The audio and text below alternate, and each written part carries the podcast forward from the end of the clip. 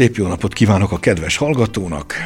A csodálatos Dél-Itáliába kalauzoljuk el ma önöket. A műsorvezető dr. Csizmadi Andrást hallják.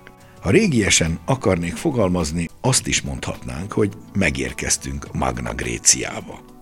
Az itáliai csizma alsó részére, a bokától a talpáig. Ugyanis Krisztus előtt a 8.-7. századtól megindult a görögök tömeges kirajzása a földrajzilag legközelebbi dél-itáliai területekre, egy részük messzebb is elkalantozott például a mai Dél-Franciaország, vagy akár a spanyol partokig, ahol kis városállamokat alapítottak, mint otthon. És a későbbi századokban újabb és újabb hullámok érkeztek, nos, ezt az erősen szétterjedt görög lakta vidéket hívják az ókori források Magna Gréciának, azaz Nagy Görögországnak. A görögök persze természetesen magukkal vitték az egész kultúrájukat, szőlőfajtáikkal, tokkal vonóval. Ezek nyomai a mai napig megvannak, és bár a századok folyamán elelhalványultak, mostanában reneszászukat élik, mert rájöttek, hogy ezek a régi szép fajták csodákra képesek. Mostanában büszkén vállalják őket. Kezdjük kampániával majd, Nápoly és környéke. Majd az csizma tűsarka, Puglia következik. Végül a külön orrot képező Szicíliába érkezünk meg. Ezeket a déli borokat sokáig kézlegyintéssel intézték el maguk az olaszok is, az északiak persze, mára viszont egyre több északi nagymenő, plusz még külföldi befektető is jön ide, mert rájöttek, hogy a dél elképesztő potenciálú. Ugyanakkor van itt egy érdekes kettősség. Pont emiatt az elképesztő érési potenciál miatt itt még extra magas tőketerheléssel is lehet szőlőt olcsón termeszteni, mert megterem. Persze ezekből nem lesznek csúcsborok, de könnyű iható borok azért igen. És aztán ezeket hordják tartálykocsikon éjszakabbra, többek közt hozzánk is, feljavítandó az itteni tömegtermelt borokat. Ez is pulja. Nos, ezekről a nálunk még kevésbé ismert itáliai borrégiókról beszélgetünk mai vendégünkkel. Tartsanak velünk, szabadítsuk ki a szellemet a palackból.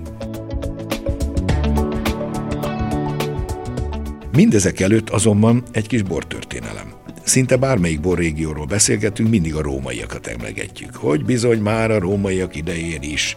Hát idézzük most fel a rómaiak idejét, hallgassuk meg, milyen borokat ihattak az ókori Rómában.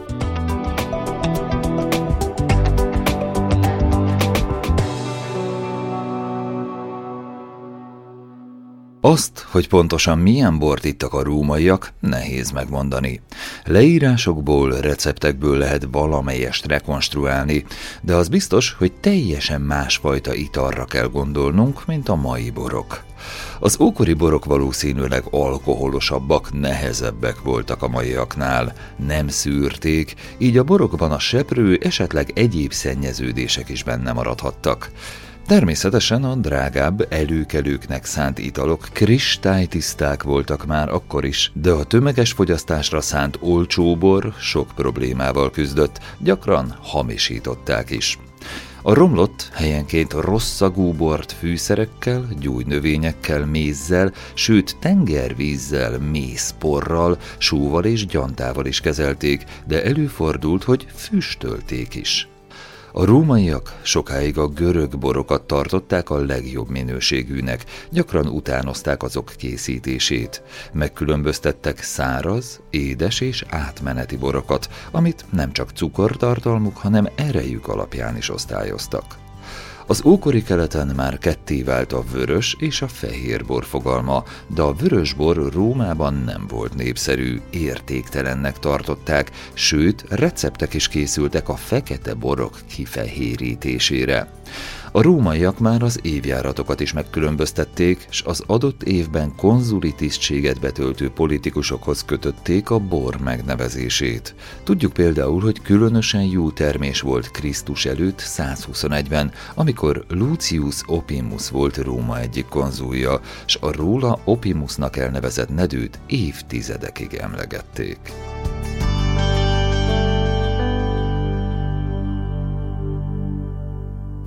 Bemutatom meghívott vendégünket, Orodán György nemzetközi borakadémikussal, borszakértővel, a CEVI oktatójával beszélgetünk Dél-Itáliáról. Kezdjük kampániával. Nápoly, Amalfi part, Sorrento, Vezúv és környéke, ez a tengerparti táj. aztán egy kicsit bejebb Avellino és Benevento. Mondhatjuk, hogy ez itt Itália valódi sűrűje, a latin és a görög lélek, és még ki tudja hányféle vérvidám keveredése, a tömény mediterránság maga.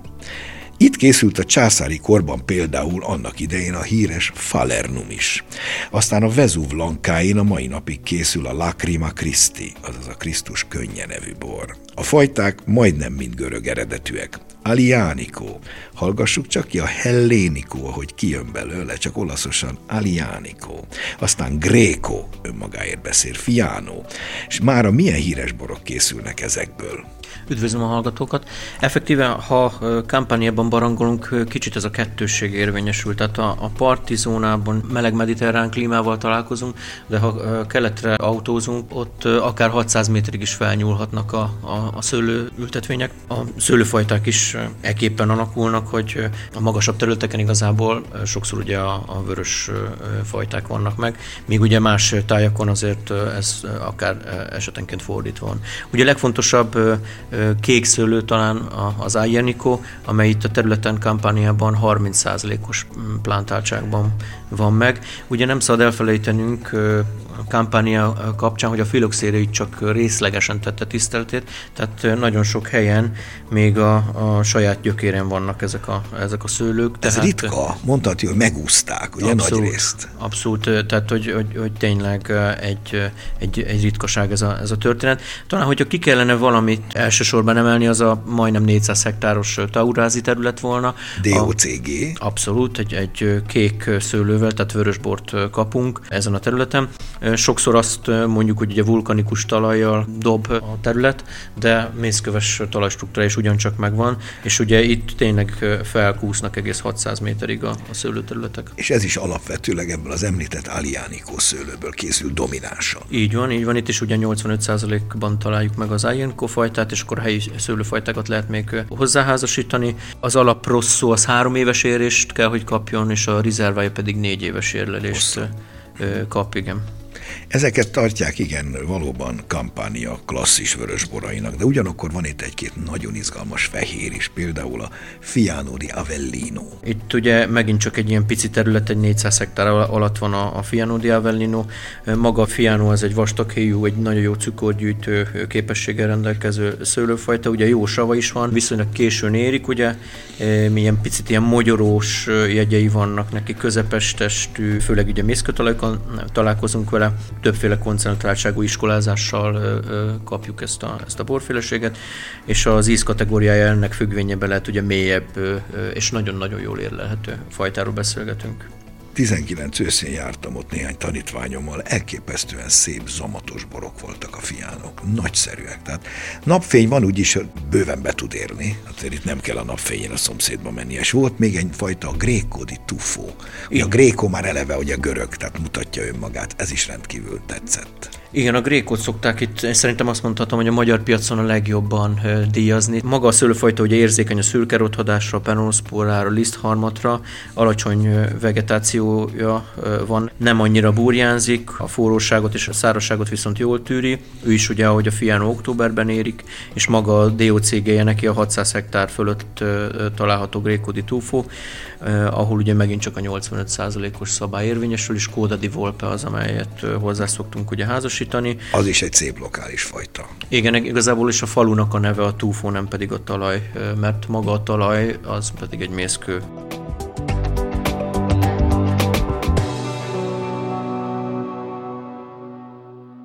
Kampánia főleg a régi görög eredetű fajtáiról ismerhető, a borban járatosabbak számára talán. Ön hogy látja, valóban annyira érdekesek ezek a fajták, tehát mik az erényeik?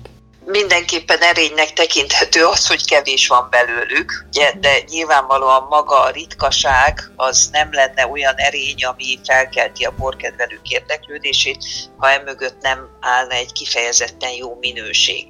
Kampánia ugye a Vezúv közelségével olyan különleges és remek adottságokat kínál, ami fehér és vörös borban is tud izgalmakat adni.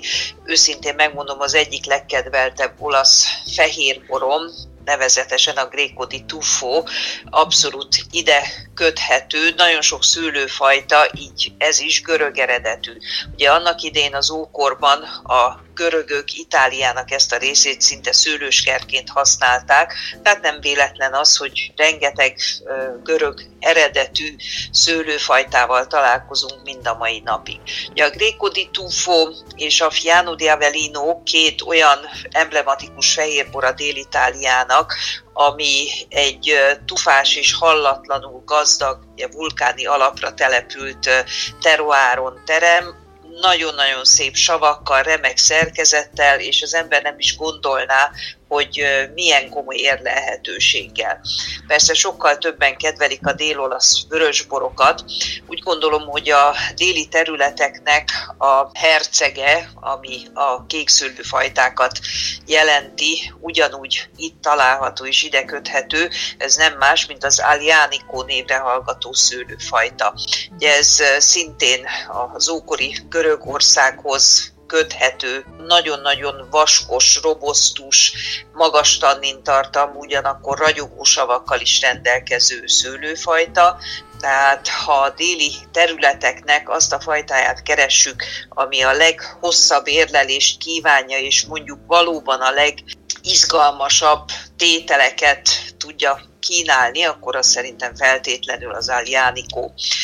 Egy olyan izgalmas része mindez amúgy Itáliának, ami azzal együtt, hogy nagyon-nagyon sok könnyen fogyasztható, szerethető, nem túl bonyolult bort ad, de az igazi white ínyűeknek is kínál nagyon-nagyon szép dolgokat.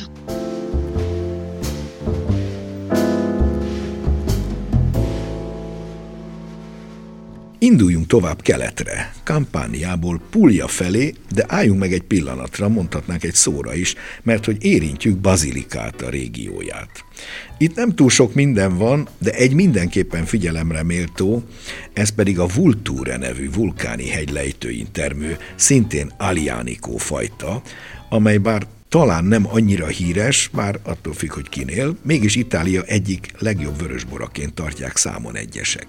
Így van, ez az Alienico del Vultura Superiore DOCG, a, a területnek ugye a legfontosabbja, és akkor a DOC az pedig ugye a, az Alienico del Vultura, kisebb, picit kevésbé koncentráltabb testvére. Maga a vulkán egyébként abszolút kirajzolható a környékben, a hegyek szépen összeérnek, és egy lerobbant vulkáni kúpnak a romjain helyezkedik el maga ez a legfontosabb bazilikátai terület. És valóban annyira jó az Alienico del Vultura? Én azt gondolom, hogy ugye ebből is lehet többfélét találni, de de még a magyar piacon is hozzáférhető egy-egy tétel. Egyébként a Piano del Cerro néven a Fárnéze csoportnak van például egy nagyon jó példaértékű borfélesége innen. Jó, akkor Puglia. Ez már a csizma, tűsarka. 85 ezer hektár önmagában, a harmadik legnagyobb régiója Itáliának szőlő szempontból. 7-8 millió hektoliter bor készül évente, valóságos bor nagyüzem. De egyúttal egy csokor csúcsbor helyi fajtákból. Primitivo, Negro Amaro, Malvasia Nera, Uva di Troia, és még némi Alianico is. Milyenek ezek a fajták? Meséljünk egy kicsit a primitívóról, a negróról. Elsősorban a primitívót emelném ki, mint ugye a legfontosabb szőlőfajtát a, a területen. Ugye kék szőlőről beszélünk, és azt gondolom, hogy a magyar közönség számára egy óriási robbanást tapasztalhatunk a, a piacon. Mióta az megismerték? Utóbbi, igen, az utóbbi mondjuk tíz évben Abszett. folyamatosan megy föl az ázsia ennek a szőlőfajtának. Effektíve maga, maga a szőlő ez egy korai rügyfakatással bíró, sokszor augusztusban is szedik, de nyilván ahogy egy későbbiekben születelik, egyre koncentráltabb, cukorkásabb stílusirányzatot. Tegyük hozzá, hogy a név is innen származik. Sokan azt gondolják, hogy primitív, ez nem a primitív, itt a primitív a korai szüretre, az elsők közötti szüretre utal, tehát nem a primitívségre. Így van, tehát a primus szóból ered, a kisfürtő, apró bogyójú, és ugye nagyon sokféleképpen lehet iskolázni az alapboroktól, amelyeket a szupermarket polcain eh, találunk, eh, kezdve a közepes stílusirányzatig és a, a, akár a 16-os alkoholú, 8 g maradék cukros, nagyon koncentrált ilyen fekete masszákig eh, abszolút mindegyik megtalálható a, piacon. És tegyük hozzá, hogy igen mérsékelt, milyen barátságos árakon. A termékpirimus az abszolút komolyan föl van építve, a csúcson ezek a, az idősebb szőlőtőkékről, bokorművelésről származó 60-70 éves esetenként szőlőterületről származó borok is megtalálhatók. Ugye tudjuk, hogy a, a termőréteg ez effektíve vagy fedett, vagy fedetlen mészkő. Igazából az öreg tőkékről, ha beszélgetünk, akkor egy igazán festői látványt nyújtó, egy ilyen nagyon szép terület. És tegyük hozzá, hogy az egész Púlia ezzel a tűsarkuságával, ugye és két tenger, az egyik oldalról az Adria, belülről a Tirrén tenger mossa, és egy kellemes, nagyjából lapályos rész, nem nincsenek túl nagy szintkülönbségek, de itt már nincs is szükség, hogy hegyoldalra tegyük a szőlőt, mert már annyi napfény van, hogy szinte túl sok. A két tenger felől viszont folyamatosan fúj valamilyen szél, tehát ugyanakkor kap egy állandó hűtést, amire itt valóban szükség van. Egy-két évtizeden belül persze lehet, hogy bajaik lesznek a globális felmelegedés miatt, de ez még a jövő zenéje. De úgy tartják, hogy a Primitivo di Manduria az adja a csúcs minőséget, mert ugye több alegysége van, Puglia egy régió, a mandúriai egység az talán a legjobb, de én nagyon sok kiváló primitívot kóstoltam magam is. Említsük meg a másik nagyon fontos helyi fajtát, a Negro Amárot. Púja keleti felén van ő inkább otthon, a Szalentói félsziget szomszédságában egy bő termő ellenálló fajta, egész jó a savtartalma is, tehát egy, egy szárazságtűrő szőlőfajtáról beszélünk. Ide való. Sokszor azt találtuk még régen, hogy a, a északi borokat pótolták a primitívóval is, és ugye a Negro Amáróval is. Neki, ami ugye a primitívónál a Primitivo di Manduria DOC, a Negro Amárónál pedig ugye a Salice Salentino DOC, ahol ugye 75%-os szabály érvényesül, úgyhogy ez mindenképpen az ő, ő otthona. Nagyjából a szónak a, a, a jelentése ennyit jelenthet, hogy feketénél is feketébb, vagy egy egyes... Kesernyés fekete, igen, igen, negro, egyes, amaro. egyes hipotésisok. A De szép, nagyon szép borokat ad. A nagy negrók között olyan bombázókat kóstoltunk, hogy hét nyelven beszélt. Van itt még a, a malvázia, ami alapvetőleg fehér szőlő, de annak is, mint oly sok mindennek, van egy kék szőlő változat, a malvázia néra néven. Sőt, még van egy, szintén erősen sejteti a görög eredetet, az uvadi trója, azaz a trójai szőlő. Igen, az úvadi trója az egy késői érésű fajta, igazából a, a pújai területnek a centrális zónájában van ő jobban otthon, és a, egy, egy késői érésű, ahol a fürtökön belül néha külön is érnek a bogyók, kicsit, mint a Sönenblannál. A Castel del Monte DOC az, amely a, a, a Nero di Trójával legjobban tud operálni. Ezeket a fajtákat ugyanakkor házasíthatják is, ugye Púlián belül? Sok-sok házasításunk van, abszolút. A primitívora visszatérve, Említsük meg, hogy itt van egy elszármazott rokon a távolba, ez pedig az USA. A primitívóval kapcsolatban ugye az eredete az sokszor Dalmáciából magyarázandó, a, a Tribidrág vagy a Cyrilljának Kastellánszki szőlőfajtával szokták őt apostrofálni, és utána ugye Kaliforniában azon belül is ugye esetenként egy, egy területen mondjuk például Lodájba szokás őt Cimfandel néven megtalálni. Az. USA szent nemzeti fajtájává avonzsált Cimfandel néven. Igen, ugye a borstílusos az ott is ilyen, magas alkohol, egy elég koncentrált bor, rengeteg fűszerrel és hordóhasználattal, ahogy kell azt Kaliforniában. Hogy mi a helyzet manapság a puliai régió boraival, elismertségével a borvilágban, arról dr. Mészáros Gabrielát kérdeztük.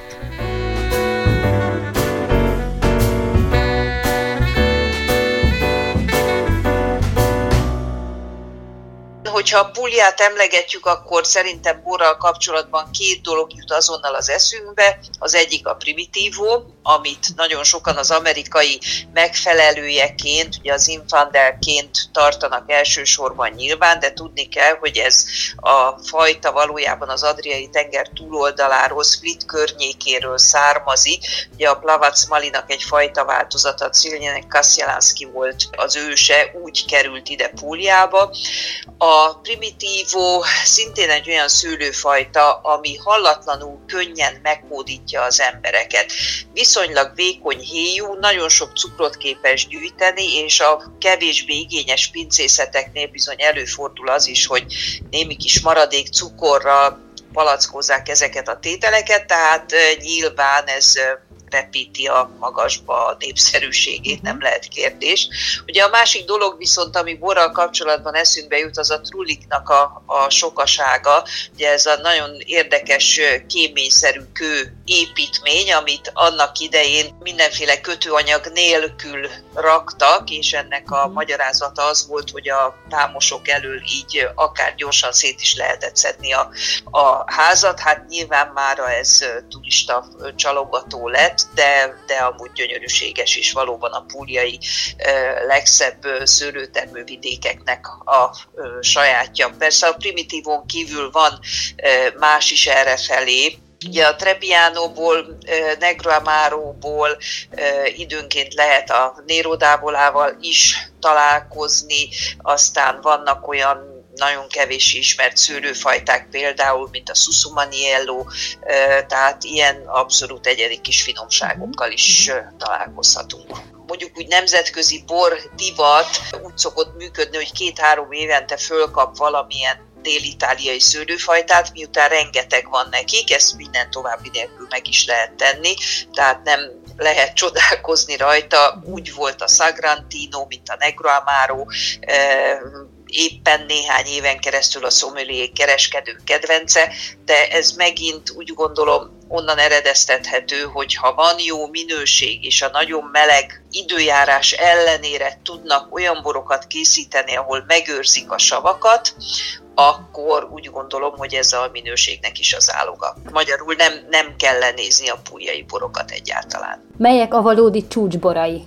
Póljának. Most már hála az égnek Negramáróból és Primitívóból is vannak olyan komoly tételek, amik egyáltalán nem keverhetők össze az egyszerű, mondjuk úgy étkezési célokat szolgáló borokkal, tehát jól eltarthatók, jól érlelhetők, koncentráltak, komplexek, és ugye ezek a tételek mindig nagyon vigyázva arra, hogy ne túlérett szőlőből készüljenek, az eltarthatóságban is egészen más mutatnak, mint az egyszerű porok. Egy biztos, ezeket azért nem 10 eurós áron kínálják, hanem általában duplája, háromszorosa, négyszerese is lehet az átlagos áraknak. A hordós érlelést ezeknél a tételeknél általában mindig megtaláljuk. Azt kell mondjam, hogy jó esetben tényleg kifejezetten szép, intelligens és szerethető borok születnek. Ugye még egy másik bortípus, ami nagyon népszerű nálunk,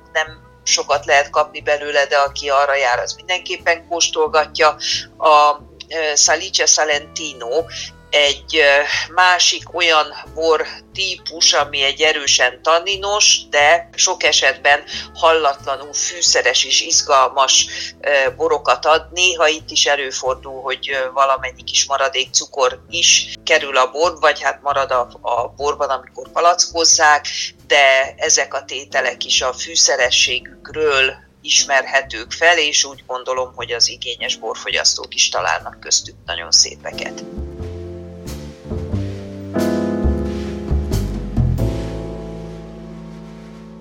Ugorjunk át végül Szicíliába. Ez Itália legnagyobb borvidéke, 110 ezer hektár. Ez is körülbelül 8 millió hektoliter éves bort antik görög telepesek, Magna Grécia, megint itt lyukadunk ki, hogy telirakták Szicília partjait kis görög városokkal.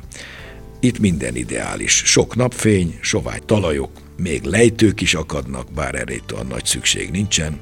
Érdekes módon sok az asztalibor és az IGT, tehát a tájbor, viszonylag kevés a DOC bora. Ugyanakkor Szicília kísérletezik, hát hol nem, világfajtákkal is, egy kis Chardonnay, egy kis Merlot, egy kis Syrah, egy kis Cabernet, viszont újabban egyre inkább az őshonos saját fajtáit állítja a középpontba. Azt mondhatjuk, hogy 1990-es évek elején egyfajta borászati forradalom zajlott le, jó részt észak-itáliai segítséggel. Ugye az északiak lejöttek, látták itt a nagy lehetőséget, viszont a borok jellemzően addig eléggé oxidált, kicsit fáradt, kicsit ilyen-olyanok voltak, de az északiak meghozták az új technológiát, az új irányzatot, és elindultak igen radikálisan a minőségi borok felé. Hol tartunk ma Szicíliában? Érezhetően a világ elkezdte megismerni a fajtáikat, ezért ma már nem nagyon kell házasítani az eladhatóságért, mert hogy korábban majdnem mindig mellé tettek egy kis francia fajtát, mondván, hogy azt az emberek ismerik. Gyuri, mik a legjobb helyi fajták, és hogy néznek ki ezek? Én elsősorban talán onnan kezdeném, hogy, hogy ugye maga egy mediterrán klímával bíró terület Szicília, de azért sok mezoklimatikus területünk van, és sokan a piac szempontjából, ha vizsgáljuk, akkor kiemelik az etna térségét. Mindenképpen ugye erről érdemesebb lenne beszélni. Itt ugye általában négy fajtát emelnek ki, a Caricantét és a Catarattót fehér kontextusban, és a Nero d'Avolát és a Nerello Mascalézét, vagy a Nerello Capucciót, ezt a három fajtát. Az etna mindenképpen egy, egy kicsit modern köntösben talán Burgundiát idéző parcella szelekciókkal bíró terület, ahol ugye nagyon magasra másznak föl a, a birtokok, 750 a max a kékszőlőknél, és olyan 1000-1100-nál találkozunk még mindig a fehér szőlőkkel kapcsolatban. Az itt nem baj, mert ugye olyan délen vagyunk, hogy nagy a meleg, tehát itt jó fölkúszni, mert ott kellemesebb, hűvösödik egy kicsit a klíma, ugye jobb lesz a savszerkezet. Ebből lesz ugye az Etna Rosso, meg az Etna Bianco, amik hátalba házasítottak az előbb említettekből. Így van, így van, tehát az Etna Bianco az ugye a Catarattóból és a, a Caricantéból származik, a Nerello Mascalese és a Nerello Capuccio pedig valamennyi nérdával szokta ugye a, a, az Etna Rosso-nál adni. Talajstruktúra az egyértelműen bazaltos, bazalt morzsalékos talajféleség, ugye hát az mi más legyen. Abszolút adott, hiszen egy szubdukciós övezettel van itt dolgunk, ahol ugye az észak-kelet felé rotáló afrikai kontinens a mikroorganizmusok mozgása következtében egy alábukási zónát eredményez, és ugye ebből született maga ugye az Etna, a Lipari szigetek ugyancsak, ugye a maga a vulkáni szakirodalomból a Volcano sziget, és ugye a Stromboli is itt található, és aztán az, a, az övezet visz tovább egész a Vezúvig és a Flegrei mezők, mint utalvulkáni működésű terület. Ha már a Lipári szigeteket említettük, említsük meg, hogy Szicíliában van egy-két nem is akármilyen nagyon szép édesbor is, ezek főként muskotáj vagy muskotáj rokonfajták, illetve még a malvázia. Így van, a Lipari szigeteken ugye a, a málváziából készítenek száraz, de édes borokat is, nagyon jó savúak, ugye a málvázia egy egész mediterrán térségben megtalálható Mindenütt ott csoda fajta. Szárazban és édesben is dolgozik a, a Lipari szigetek területén, és ugye a, a pantellériai területen pedig ugye a, a muskotáj, az, ami egy alexandrai muskotáj igazából. Itt ugye a helyi kontextusban őt zibibónak nevezik, egy elég szárazságtűrő, nagy a forróság, hihetetlen erőteljes szelek vannak, bokorműveléssel vannak iskolázva ezek az ültetvények, és ilyen kis lyukakban, ilyen gödrökben. Igen, hogy védik a széltől. Megköszönöm vendégüknek, Orodán Györgynek a szíves közreműködést a mai adásban. Én is köszönöm. És most hallgassuk meg, mi újság a borok világában. A híreket Vajda Boglárka szemlézi. Gyertyák ezrei gyújtják meg szőlőültetvényeiken a francia borászok, hogy megmentsék a szőlőt a tavaszi fagyoktól és az azt követő veszteségektől. A fagyos időjárási viszonyok az egész régióban keményen sújtották a szőlőültetvényeket. Ez az időjárási mintázat az elmúlt néhány évben visszatérőnek tűnik. Különösen az északkelet burgundi sábli szőlőültetvényeket sújtotta hat év alatt a harmadik nagy fagy, ami miatt a borászok aggódnak a termelés volumene miatt. Megválasztották az öt legnagyobb magyar borászt. Jelenleg a szavazás második fordulója zajlik, amelynek eredményeként április 29-én derül majd ki, hogy az öt döntős közül ki lesz a 16. borászok borásza. Az idei szavazás március 4-én a Magyar Tudományos Akadémián megtartott kóstolókörrel vette kezdetét. A hagyományokat követve ekkor gyűlt össze ugyanis az 50 legjobb magyar borász, akiket az elmúlt évek győztesei jelöltek a borászok borászadíjra. A legjobb borászok közössége a civilekre és az utánpótlásra is gondolva megválasztja a borászok barátját és a jövő borászát is. Három toszkán appelláció fogott össze a Vinitalival az ukrán menekültek megsegítése céljából. 2022. április 11-én délután 4 órakor a résztvevő konzorciumok által felajánlott több mint 30 lenyűgöző tételt, díjnyertes és vintage borokat árvereztek el a Vinitali keretében a Sotheby's aukciós ház technikai támogatásával. Az aukción személyesen vagy online a Biden Site platformon keresztül lehetett részt venni. A mai műsorunk véget ért. A hangmester Bolgár Jonatán nevében is megköszönöm figyelmüket. Szép napot, jó borokat, jó dél-itáliai borokat kívánok. Dr. Csizmadi Andrást hallották. Mai adásunkat a mediaclick.hu honlapon hallgathatják meg újra. A műsort az MTV-a készítette 2022-ben.